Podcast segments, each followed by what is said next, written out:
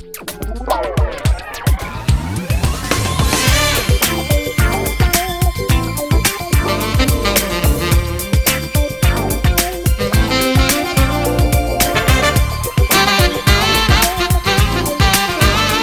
Ràdio Maricel, cada dia, al matí amb nosaltres.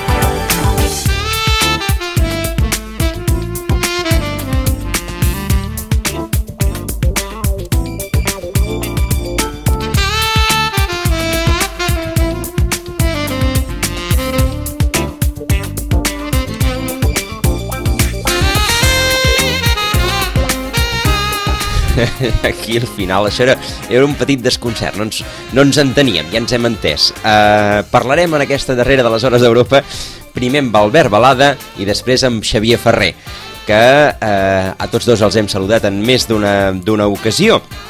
I ho farem una miqueta per fer uh, resum d'aquest uh, any. Ha estat l'any del, del Grexit, que al final no, no ha estat Grexit, ha estat l'any de, dels atemptats de París, ha estat l'any de la crisi dels refugiats i també ha estat l'any de, les, de les eleccions aquí a, a, a casa nostra, del 27S i de les d'ahir. Per tant, doncs, tot plegat eh, a l'espera doncs, de què faran els britànics també amb tot el, amb, amb l'altre Grexit, que no és Grexit, sinó que no sé, no sé com li diuen. Joaquim Millan, bon dia. M'has pillat, m'has pillat. T'he pillat, no, no és no, Bric, perquè... Brexit o Brexit, Brexit, alguna no? així, sí, oi? Llavors, esclar, el, el tema està... Amb... Bueno, és un any, ha estat un any, eh, com ja venim estant acostumats a nivell europeu, un any mogut, un any amb que afortunadament eh, no hem parlat tant de crisi econòmica, no perquè hagi passat, sinó perquè poder hi ha hagut alguns dels altres temes i per tant hem deixat una mica oblidada la, la crisi econòmica que els últims anys ens havia acompanyat molt, però tot i així, desgraciadament, hem parlat d'altres crisis, no? la crisi institucional, quan veiem que la Unió Europea decideix fer coses i després els estats fan una mica la seva, crisis de valors, quan hem vist, per exemple, tot el que ha passat aquest estiu amb el tema dels refugiats i la manera com Europa ha tornat a aquell cinisme, eh, diguéssim, històric, no? de, de, de, de dir una sèrie de coses, veure una sèrie de coses, però després fer unes altres.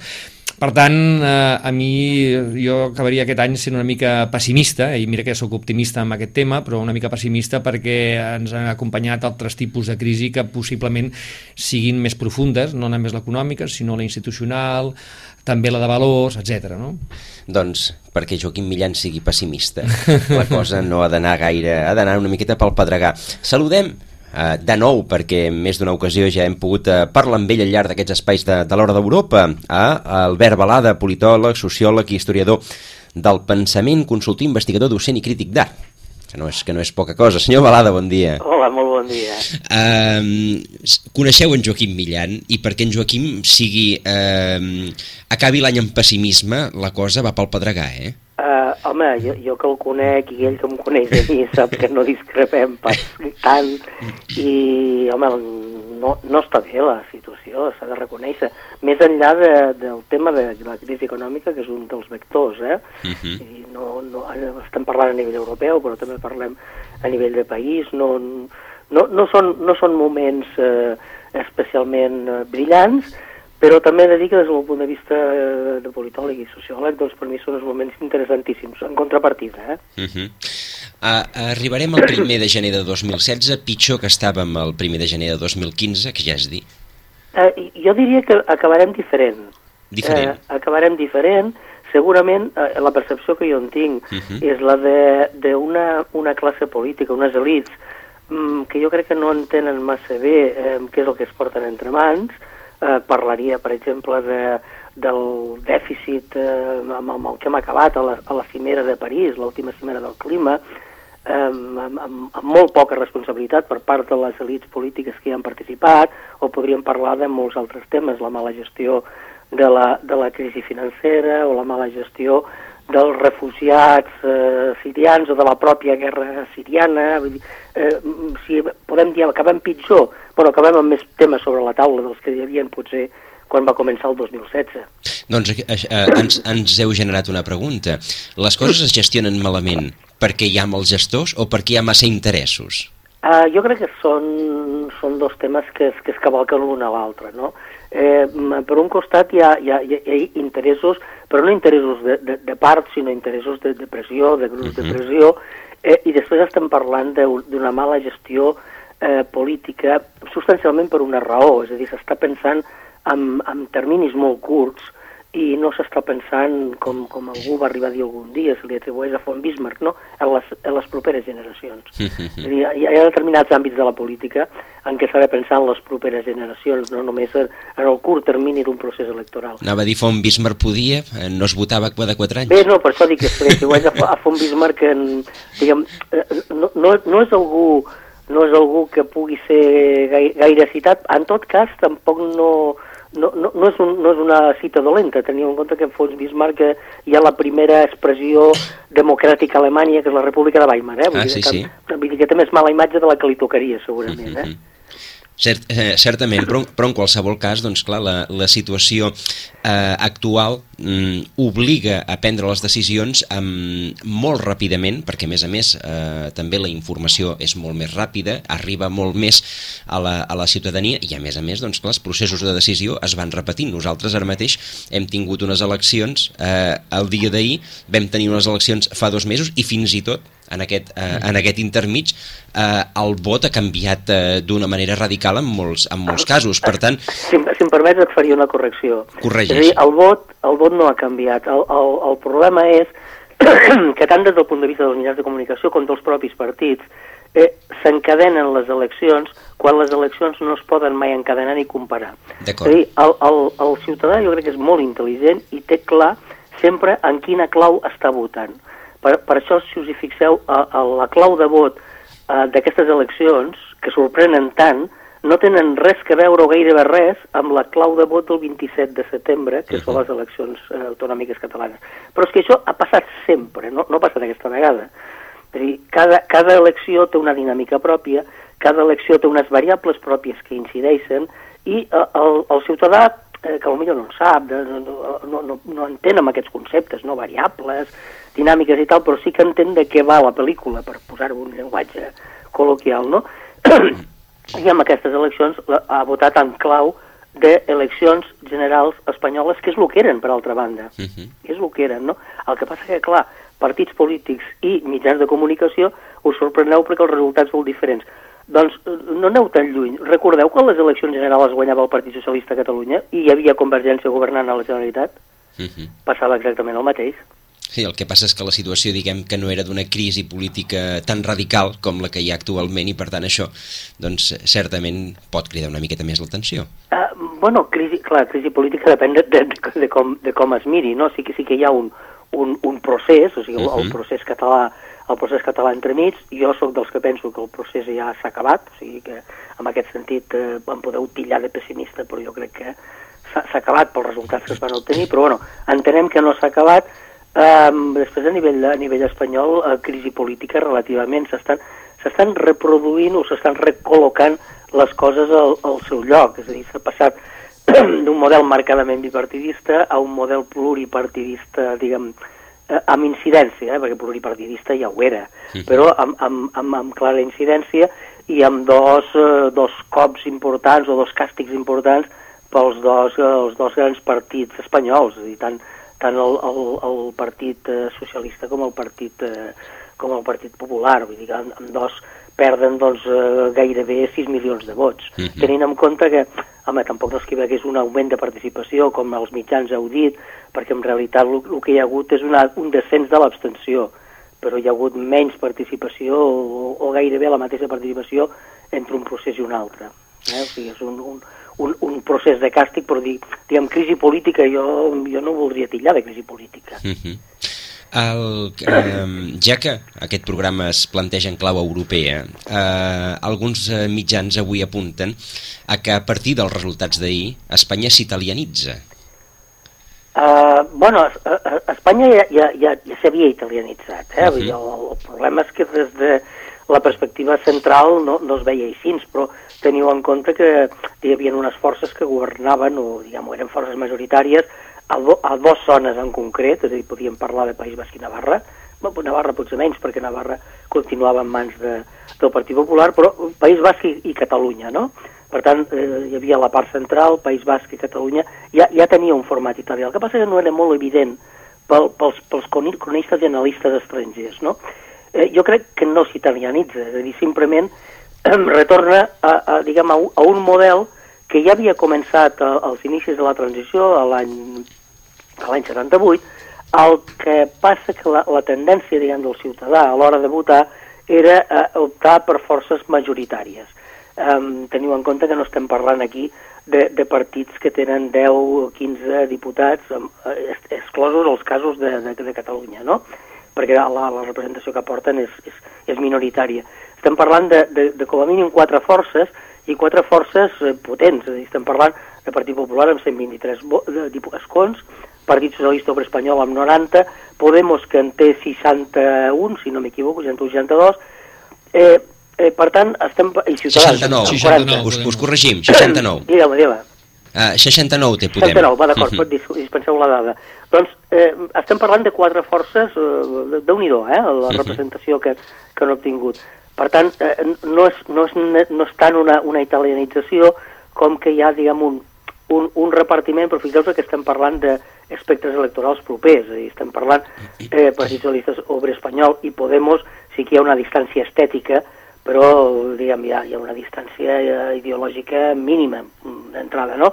O des de Ciutadans cap a Partit Popular hi ha una distància estètica, no, no són evidentment el mateix, no tenen una estètica similar, però hi ha una proximitat. Per tant, eh, no, no, no està italianitzat, penso, el Parlament, i, i el que passa que han d'arribar a acords. És a dir, s'ha acabat, això sí, almenys amb aquest, eh, amb aquest procés electoral, s'ha acabat eh, aquestes majories eh, rodillo, no? aquestes majories que, passen per sobre i estan obligats a fer acords.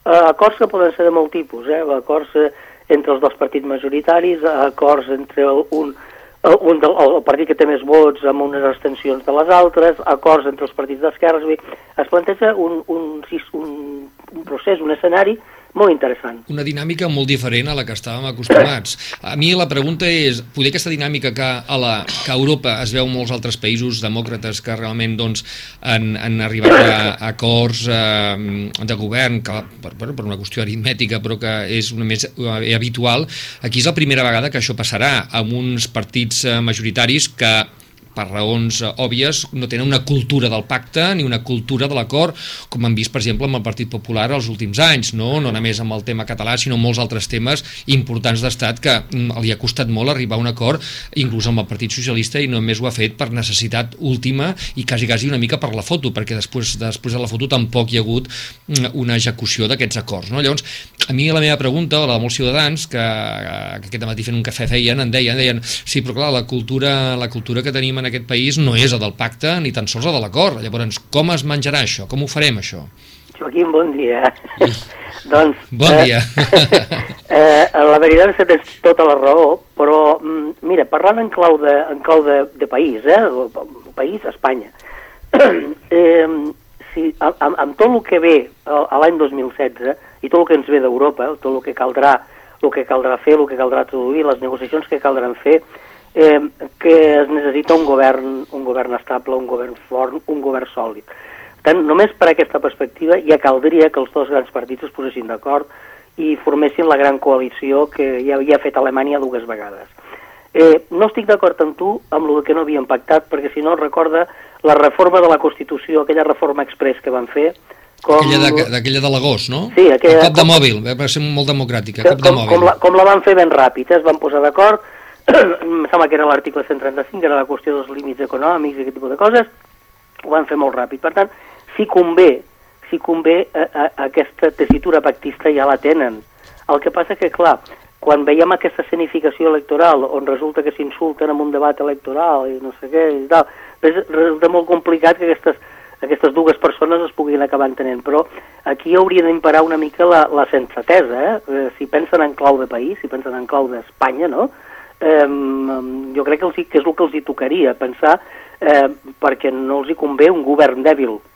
Eh, segurament si ho mires des de Catalunya convé exactament un govern dèbil, eh? vull dir que clar, en funció de qui ho mirés eh, vol una cosa o una altra. Però de cara, de cara a Europa, de cara al paper que deixin de jugar a Europa, de cara a les decisions que s'han de prendre a Europa, eh, aquest, aquest trànsit que hi ha de la Confederació fins a la Federació, que cada vegada està més clar, eh, jo crec que els hi tocaria fer un, un, un un pacte de gran coalició. O sigui que tu apostes pel pacte PP-PSOE, vaja. Jo, però aposto, aposto no, diguem, per conveniència de país, eh? no, no, no, no penso pas en que eh, m'interessin, diguem, personalment les polítiques d'un o l'altre, perquè diguem, poso molt en dubte eh, la capacitat d'un o altre partit per gestionar, però es necessiten, jo crec que es necessiten en aquest moment el, els dos grans partits. Ara, ara ens heu fet un exercici de real polític, ja que, ja que estem parlant de temes europeus. Eh, pot Europa condicionar aquesta necessitat? No, en absolut, en absolut. I aquesta és una decisió eh, que, que, que correspon, que correspon al, als, als polítics d'aquest país. Uh -huh. Europa estarà a veure-les vindre. Eh, el que passa que si pensem en clau de quin paper ha de jugar Espanya en el context europeu, si Espanya eh, arriba amb un govern dèbil eh, que, que tot el que ha de decidir o ha de portar a Europa després, eh, diguem, a les seves cambres eh, li poden tombar, perquè ja sabem que el, el Senat té majoria absoluta del Partit Popular, però també sabem que la Cambra de Representants, o sigui el Congrés de Diputats, és el que acaba marcant en cas de discrepàncies, si hi ha un Congrés de Diputats on no hi ha unes majories fermes per determinades qüestions, ho té molt malament aquest govern, en aquest mhm. -huh. sentit. Per tant, doncs, eh, s'obre un, un període d'incertesa que creu el senyor Balada que en principi sí que eh, es tancarà com a mínim amb, amb un govern, sigui aquest eh, més fort o més dèbil, o, o encara sí, podria... Sí, sí, a veure, aquí hi ha tres, jo hi veig tres possibilitats, és a dir, uh mhm. -huh. un govern en minoria del Partit Popular amb l'extensió de Ciutadans, però que és un govern doncs, eh, que, que, que farà patir, és a dir, els, els, els hi farà patir, és a dir, ho hauran de suar moltíssim. Si, si m'ho permet, necessitaria alguna cosa més que l'abstenció de Ciutadans. Sí, el... bueno, hi, hi podem afegir fins i tot democràcia del... llibertat, el, el, el, els bascos, el, els canaris... Eh, eh, vull dir, seria, però seria un govern molt en minoria, perquè no estem parlant del Partit Popular amb 160 diputats, estem parlant amb 123, vull dir que és, eh, eh, és, un, és un govern complex, en aquest uh -huh. cas, no? I, eh, L'altra possibilitat és el, el que hem comentat, el, la gran coalició, o eh, el govern d'esquerres, és a dir, que aquesta també és una possibilitat que no, no apareix en lloc, però que és, que és una possibilitat que penso, penso que eh, suposo que el, el discurs del, del, del president en funcions Mas anava una mica per aquí, quan ahir parlava de bueno, ja, ens, ja està bé que hi hagi d'aquesta força, com podem, amb la que es podem entendre, perquè com a mínim ens entenen la qüestió del referèndum, o sigui, pensant en clau catalana, aquesta seria potser la que interessa més, no?, uh -huh. de cara al procés. Però, en tot cas, tornant a la clau espanyola, eh, es necessita un govern fort, i un govern fort eh, només es fa amb la gran coalició, ni una ni l'altra eh, plantegen governs forts. El sistema alemany, però ja s'entenen millor. Uh, bé, però, però heu, heu de pensar que no són, no són tan diferents de nosaltres, eh? Vull dir, sempre veiem els alemanys com, com molt diferents, no són tan diferents. Ells a la campanya electoral també s'han dit el nom del porc, parlant en plata, uh mhm. -huh. i, i a, i a l'hora d'entrar de, a parlar de coses serioses, doncs van a parlar de coses serioses. La campanya electoral és la campanya electoral, però sempre que hi ha hagut qüestions de país s'han tingut que posar d'acord. Jo crec que eh, potser és que ja, ja hem arribat a la majoria d'edat i com bé que els nostres polítics eh, també ho siguin, eh, de majors d'edat en aquest sentit. O sigui que ja ens podem preparar a trobar un govern on hi haurà eh, multicolori, no? És a dir, trobarem ministres eh, de diferents partits polítics. Això seria una altra opció, no? Uh, jo crec que també seria una, una de les possibilitats, eh? que, o, o com a mínim que comencin no? a entrar bastants independents eh, en, en aquests governs, com en, en aquest sentit sí que també hi havia passat a Itàlia, no? De, de fet, avui... Home, si enten independents igual millorem tots, no? Bueno, però tots tot, tot sabem que, que els independents, eh, diguem, també tenen color. Evident, no? evident, evident. Realment, ah. independents, independents, eh, no tenen carnet, però tenen una, una, un determinat perfil ideològic. Avui Enric Julián a La Vanguardia apunta que la Constitució no imposa que el president del govern hagi de ser necessàriament ni tan sols diputat o senador. Correcte. És a dir, que se'l podrien a buscar fora. Ah, sí, sí, sí. Aquesta... Això és cert, això és cert, és una cosa que la gent no sap, però és veritat, eh? Vull dir, perquè donem per sentat que el número 1 de la llista, és a dir, ara mateix, per exemple, el Partit Popular podria dir, no, mira, el número 4 serà el nostre candidat a la presidència. A, a diferència de l'Estatut català, que sí que imposa sí, sí, correcte. Que, que, que el president sigui un correcte. del centre. Sigui diputat, o sigui, ah, aquí és, el, el president ha de ser diputat, però els ministres no cal, i en, canvi, en canvi a nivell de l'Estat no cal ni que sigui ni que sigui diputat. O sigui que el PP podria governar i el Rajoy no ser president, per exemple. Sí, sí podria ser perfectament. El que passa que ho veig, ho veig, ho veig complicat, eh? No, no, per, per, evidentment per la, sí. per la cuina interna del PP. Que sí, sí, ho veig, no, tant per la, no tant per l'interès del país, que poder per l'interès del país seria així, sí. eh? per Espanya seria bo que hi hagués un canvi en aquest sentit per tindre un govern fort, com tu deies, i, sí. i també amb certes coalicions internes o externes, és a dir, el, el suport podria vindre des de dins del govern, és a dir, amb, amb ministres de diversos partits o d'algun partit amb alguns independents o de fora, sí. però, evidentment, les cuines internes dels partits, que és una mica el que volia dir, ara parlem del Partit Popular, podríem parlar d'altres partits, a vegades són les que són els que marquen l'interès, no? Clar, clar, clar. No, no, eh, és que, clar, el, el, el, nostre, el nostre model, que és un model eminentment de llista, Um, clar, és de, és de llista però té, té aquest matís que és la llista més el cap de llista, diguem, no?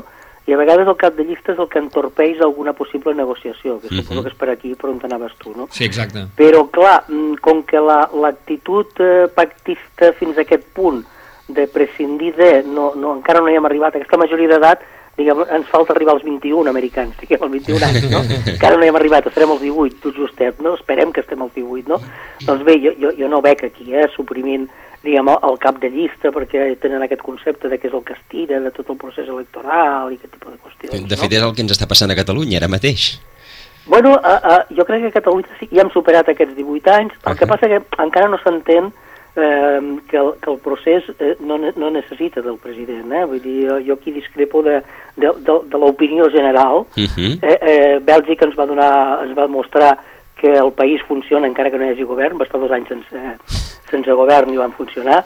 És dir, el, el, el procés eh, té que veure amb, amb una assemblea parlamentària que decideix un procés de secessió eh, tot el que no sigui això és que no han entès ben bé, ben bé de què anava la pel·lícula. Per això estem on estem. O sigui, no, no, no, no és prioritari en un procés de secessió eh, tot un procés negociador de qui és el president del govern que hi hagi en aquell moment. El, que és important en un procés de secessió és la secessió amb ella mateixa. I aquí, aquí jo crec que s'han equivocat els partits. I, Ah, no, no, jo anava a preguntar perquè no, no, no, no, fins ara no hem parlat d'un partit que també se suposava que també tindria un resultat eh, poder millor de l'esperat, que era Ciutadans, que déu-n'hi-do, o sigui, aviam, déu-n'hi-do, no es pot eh, tampoc menys tenir aquests 40 diputats, poder s'apuntava amb un resultat més, més ampli i que, que a més a més a priori també es havia la possibilitat de que amb el Partit Popular, juntament amb el Partit Popular, que era una mica la pregunta dels últims dies, si sumaven o no sumaven suficient, la majoria estable, etc etc. En canvi, ara no se'n parla massa i ha quedat molt reduït a si el Partit Popular amb el PSOE seria una opció, si el Partit Popular en minoria mmm, i amb suports des de fora seria una altra, o aquesta gran coalició d'esquerres, no? Però vull dir, eh, no se'n parla massa del paper de Ciutadans. Tu com ho veus? Tindrà algun paper rellevant o quedarà com a comparsa en aquests moments? A veure, Ciutadans ha tingut ha tret un, un excel·lent resultat. I ara, passar de 0 a 40 eh, és, un, és, un, és un resultat extraordinari. El problema és que segurament aspiraven a més. Segurament el... aspiraven doncs, a ser segona força i aquesta és una mica la frustració que, de, que, que han traslladat els mitjans de comunicació. No? El, de fet, el 6 li, els hi donava aquesta segona força fa dues setmanes. Correcte. Eh, sí, correcte. però saps què passa? Que les, les enquestes eh, acostumen a estar equivocades per una raó um, hi ha 52 circunscripcions electorals uh -huh. i, i l'enquesta es fa tenint en compte com si només n'hi hagués una de circunscripció electoral. Uh -huh. Llavors, la, el marge d'error el marge d'error és, és grandíssim, per això, per això segurament si, si, si es compta els vots que ha obtingut eh, Ciutadans, que només està, per exemple, a 2 milions de vots del Partit Socialista Obrer Espanyol, és a dir, eh, hauria tret aquests 60 diputats que, clar, que li donava clar. el FIS, eh? però si es compta com a únic, una única circunscripció. Clar, amb 52 circunscripcions la cosa, la cosa canvia. 40 diputats. 40 diputats que són útils tant a, a un costat com a l'altre de l'espectre polític. I l'avantatge que té Ciutadans és que és un partit que no és un partit radical com s'entén tradicionalment, sinó que és un partit diguem, que, que juga a cavall del centre-esquerra i del centre-dret. És un, un partit molt dúctil en aquest sentit i podria ser un aliat perfecte del Partit Popular com podria ser un aliat perfecte del Partit Socialista Obrer Espanyol. Tant aquí està, i, i en, quina, en quin sigui el, el sistema d'aliances que es faci, tant si és un sistema de govern minoritari com si és un sistema de govern d'esquerres, jo crec que funcionaria. No, no és útil Ciutadans amb, amb la gran coalició perquè ja no se'ls necessita, no? però amb, amb els altres dos eh, processos se'ls se necessitarà i estan allà. Jo crec que ells, ells estan esperant doncs, eh, quin és el joc que els hi toca, que els hi toca fer. Per tant, en situacions de... Eh d'una certa doncs, eh, barreja i aquí hi ha una barreja bastant, bastant important entre quatre grans formacions, més les petites, que també poden condicionar la seva, la seva part, eh, és un moment difícil, però, com ens ha comentat eh, Albert Balada, interessant per poder-lo... Home, és, és, és molt interessant perquè eh, és un moment polític. Uh -huh. És a dir, eh, clar, quan, quan, quan un, un, un partit obté determinades majories, eh, amb un sistema proporcional com el nostre, eh, que està pensat perquè no hi hagi unes majories molt fortes, encara que hi hagi hagut articles i estudis, en el contrari, eh, és, és bastant avorrida la política. És a dir, uh -huh. Perquè, a més, la societat tampoc no és exactament així, la societat és, és bastant diversa, és, bas, és bastant eh, múltiple, no? Llavors, a, en un moment com aquest, eh, la política és, és quan actua realment i quan es veu la capacitat de lideratge, la capacitat d'arribar a acords, perquè governar amb majoria és relativament fàcil, uh -huh. és molt fàcil. Eh, tindre que arribar a acords, no només al Parlament, sinó a acords de govern, demostrarà diguem, a, aquesta majoria d'edat que jo, els, que jo us comentava. No? Per tant, des del punt de vista de la ciència política, per nosaltres és interessantíssim. Des del punt de vista de la política és complicadíssim, és just el contrari. No? és un moment molt, molt complicat, molt difícil, eh, el, el país arriba en un moment que la tessitura... Tal, però, però en realitat, quan parlem de, de, de política, parlem d'acords i, i parlem de capacitat de debat, capacitat de diàleg, doncs bé, ara hauran, hauran de demostrar que en saben. Eh? Doncs eh, Albert Balada, gràcies per una, una miqueta il·luminar-nos aquesta, sobretot el marc, el marc que queda ahir a la llum d'aquest espai de l'Hora d'Europa. Us saluda i us acomiada també Joaquim Millan. Gràcies Albert i escolta, un bon Nadal i, i bon any. Eh? Ha, estat, ha estat un plaer, ja ho saps, sempre d'acompanyar-vos a vosaltres i que també tingueu molt, molt bones festes. Moltes gràcies i fins la propera. Fins la propera.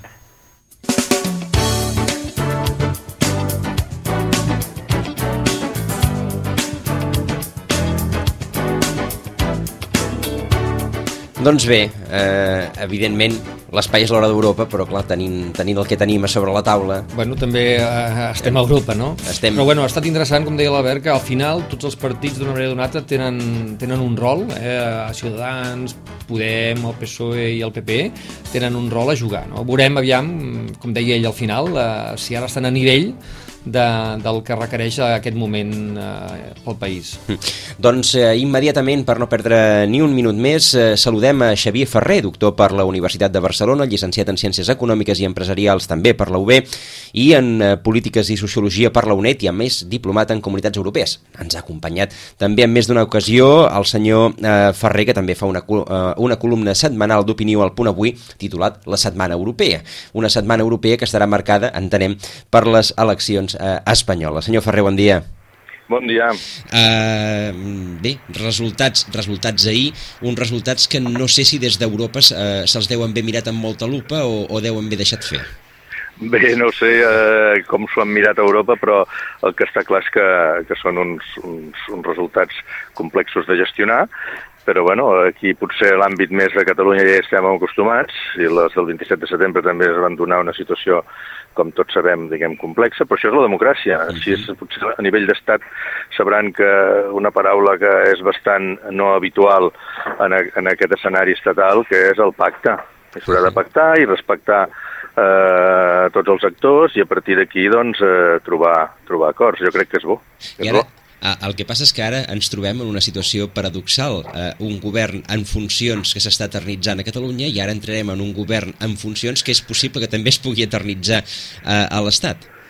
Sí, potser sí, però com que estem en un, en un escenari uh, de uh, un cert, uh, cert imprevisible, doncs podria ser que d'aquí una setmana hi hagués govern a Catalunya, eh? Uh -huh. I eh, després el que estessin temps per firmar-lo és eh, en l'Estat. O bé també que s'arribi a acord. No sé, la política...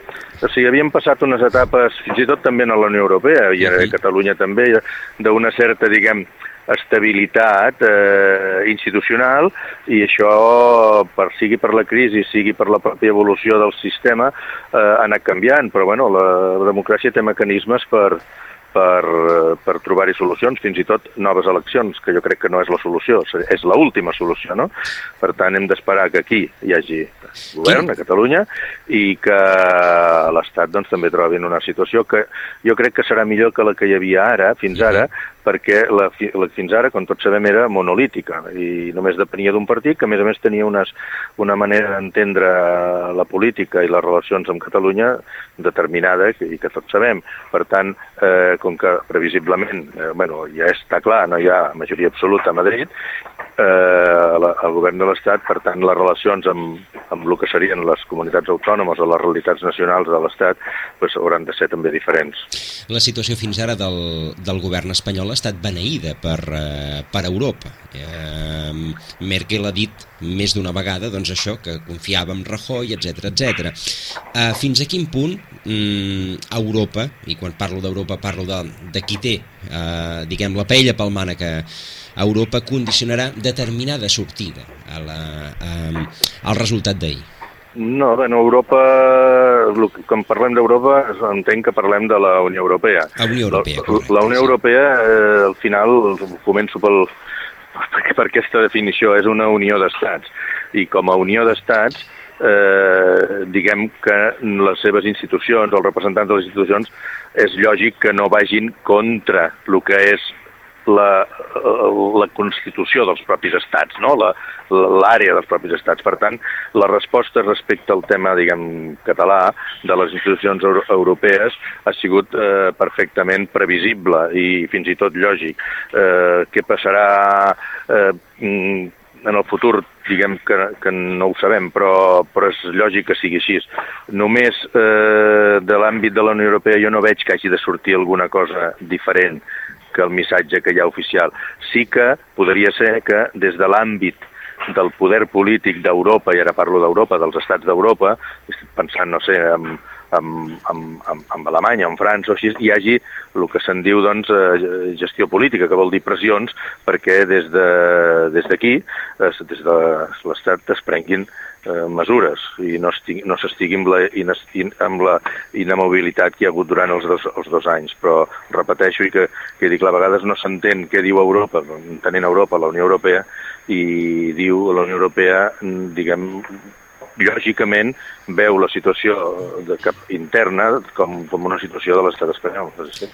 El, aquesta és l'última hora d'Europa d'aquest any i estàvem fent una miqueta de, de balanç amb en, amb en Joaquim Millan uh, i comentàvem, clar, que ha estat, ha estat l'any dels atemptats de, de París, també de la, dels acords de, de París de la cimera del clima, ha estat l'any dels refugiats, ha estat l'any de, de que si Grècia sortia o deixava de, de sortir estem, mm, i, i per començar ens feia una petita reflexió Joaquim Millan dient que ell, optimista de mena, eh, és bastant pessimista. Uh, fins a quin punt uh, entrarem el primer, de, uh, el primer de gener de 2016 pitjor que el que estàvem el primer de gener de 2015? Uh, a veure, és veritat que, que la, la situació de la, de la Unió Europea doncs, no és bona, ja ha passat èpoques molt millors, perquè bàsicament perquè tenim problemes amb els tres pilars fonamentals eh, que sostenen la, la Unió Europea, que són el pilar comunitari, diguem, l'economia, per tant, estem encara en crisi econòmica, fent, fent aquest, aquests progressos amb la gestió de l'economia eh, unida, no?, amb, amb la unió bancària i els controls pressupostaris i fiscals, d'una banda, però, però segueixen problemes en, en aquest àmbit i els dos àmbits, diguem, de lo que seria en relació inter intergovernamental doncs, amb la política exterior no hem, no hem gestionat bé la, la crisi d'Ucraïna amb Rússia ni la de Síria. I la de Síria ens porta al tercer punt que, que, que també és molt negatiu per, per la idea d'Europa o de la Unió Europea, que és les dificultats de la lliure circulació especialment de lliure circulació de persones, el que entenem per espai Schengen, que ara està qüestionat i mal utilitzat en la, amb l'arribada de refugiats. Per tant, aquestes tres crisis eh, és les, són les que s'han de trobar solucions i es fan reunions, però clar, són 28 estats amb interessos diferents i aquesta és la feblesa però alhora la grandesa d'Europa, que mira de trobar solucions democràtiques o consensuades en els problemes. És veritat que entrem en un 2016 eh, a nivell europeu complexa, però també és veritat que, que la Unió Europea, que fa 60 anys que funciona, entesa com a Unió Europea, doncs sempre acaba trobant solucions, que segurament no són les solucions que, absolutes que vol cada actor, però són unes solucions eh, basades en el consens i jo crec que en l'àmbit d'aquests tres àmbits, que és el que s'ha de trobar, doncs, doncs eh, potser tardarem però, però li trobarem, perquè eh, l'altra la, solució, i això ho saben, la, ho saben tots els estats, l'altre camí seria tornar en, el, en els estats nacionals i això seria regressiu per, per lo que és el creixement d'Europa i per les llibertats europees i per la influència d'Europa en el món. Uh -huh. Uh, L'any que ve es plantejarà de manera bastant oberta o bastant ferma la possibilitat d'una sortida de la Gran Bretanya. Uh, Gran Bretanya, doncs, uh, més per interès o més per, uh, doncs, per opció, pel que sigui, o per estratègia fins i tot. En moltes ocasions ha mostrat allò el seu disgust per com funciona eh, al club, és millor tenir una Gran Bretanya dins a disgust o, una, o si algú està a disgust és millor que marxi? No, jo, és, per mi eh, és millor tenir una, una Gran Bretanya, un Regne Unit a dins. Uh -huh. I aquí apelo el que he dit abans, eh, s'han de, de trobar els mecanismes suficients perquè segueixin. Ja sé que hi ha postures que diuen, bueno, escolta, si no volen estar, doncs que marxin. No, bueno, sí, és veritat, eh, eh, és una opció, però, però no serem tan forts. Eh, el Regne Unit és un, una zona important des del punt de vista econòmic i des del punt de vista també demogràfic i, i històricament polític i de relacions diguem, internacionals i és millor tenir-lo tenir, a dintre. Eh, és, és, hem hem d'anar sumant. És veritat que, que el que vol el Regne Unit no és el que probablement vol França o, o Alemanya des del punt de vista d'anar avançant amb la política unida a Europa, però jo crec que hi ha mecanismes suficients en els tractats per trobar, per trobar una, una, un equilibri i que, i que el Regne Unit segueixi, segueixi dins. Per mi és molt important que, que, que anem sumant estats i que, no, i que no un estat important com és el Regne Unit pugui plantejar-se que surti de la Unió Europea. En aquest sentit, si França i Alemanya haguessin sabut gestionar millor l'interès per estar dintre, probablement eh, el Regne Unit no tindria tanta interès per marxar. No, eh, sí, però clar, eh, jo crec que l'interès per marxar del Regne Unit no ve tant de la gestió que ha fet França i Alemanya, sinó de la pròpia dinàmica eh, interna de, del Regne Unit eh, i de tots els estats de la Unió Europea. Tota aquesta, aquesta dificultat que hi ha amb la crisi econòmica que ha generat doncs, eh, eh, tensions socials i també la crisi, diguem, migratòria, això fa que, que quan hi ha situacions d'aquest tipus les societats tendeixin a tancar-se i, i a ser menys solidàries. I tancar-se vol dir tancar-se en el propi estat. És això el que eh, ho hem vist també amb les eleccions del Parlament Europeu i és això que s'ha de rebatre, perquè el món no para i el món cada vegada les àrees eh, econòmiques i polítiques són... Hi ha més estats, però les àrees econòmiques i polítiques són menys i més potents. Estic pensant en Xina, estic pensant en, en l'Índia, eh? 1.500 milions d'habitants i 1.500 milions seran d'aquí poc la Índia. Estic pensant en tota l'àrea de, d'Estats Units i nosaltres estem en aquesta àrea, no? o Llatinoamèrica, o els BRICS. No? Llavors, eh, tornar a el que serien els estats tradicionals, fins i tot els dirigents d'aquests estats saben que, que la influència que tindrien cada tres segles ha sigut molt gran, seria minsa, o sigui que, que jo crec que interessa a tots, i els dirigents ho saben, que seguir amb la Unió Europea. El que cal és trobar les, les, les, eh, l'escenari que tothom s'hi senti còmode i que, sí, i que tothom pugui conviure. I en aquí es pot pensar no tant en, en dos velocitats, però sí en diferents maneres d'estar dintre de la Unió Europea. Però eh, repeteixo que a la meva manera de veure és molt important que se segueixi. Doncs, eh, senyor Ferrer, us saluda Joaquim Millan, ens falta un minut. Molt bé, Xavier, què tal, com estàs? Molt bé, molt bé, perfecte. que ens acompanyis un cop més i, i escolta'm, aviam si tens alguna notícia així en positiu per l'any vinent a nivell europeu que ens puguis de deixar caure, perquè bueno, acabarà optimistes, eh? Bueno, diré un, un optimista que, perquè veieu que des d'aquí, des d'aquest país es treballa per a Europa. Acabo de sortir, de fet he sortit, encara no ha acabat, d'una presentació que fan la Generalitat d'un web dels fons europeus que està magnífic i d'alguna forma s'ha vist, s'ha donat una visió optimista d'Europa i de les relacions de Catalunya amb Europa. Ho feia el, el representant permanent eh, Amadeu Altafaig. Uh, això és com a cosa, diguem, concreta que acabo de veure, no?, o de viure. Home, home, jo crec que, no sé, com tu, Quim, que també ets europeista eh, convençut i optimista, jo crec que hi ha elements doncs, eh, d'estar bueno, no optimistes, però com a menys veure un positiu és perquè aquesta tímida sortida de la crisi, que les xifres econòmiques eh, ho, estan, ho estan manifestant, però que no es manifesta encara en l'àmbit social. Doncs, Xavier Ferrer, eh, però mm. bueno, que, que, que jo crec que de l'àmbit econòmic ens portarà eh, més tranquil·litat i, i això també ens, ens, ens, Doncs- Ens farà anar millor. per Europa. Moltes millor per gràcies Europa. i molt bon any. Molt bon any. Gràcies, adéu. Xavier. Fins la propera. Són les 11. Notícies en xarxa. Bon dia, us parlem Gemma Balcera i Oriol Pujador, la portaveu de Convergència Democràtica de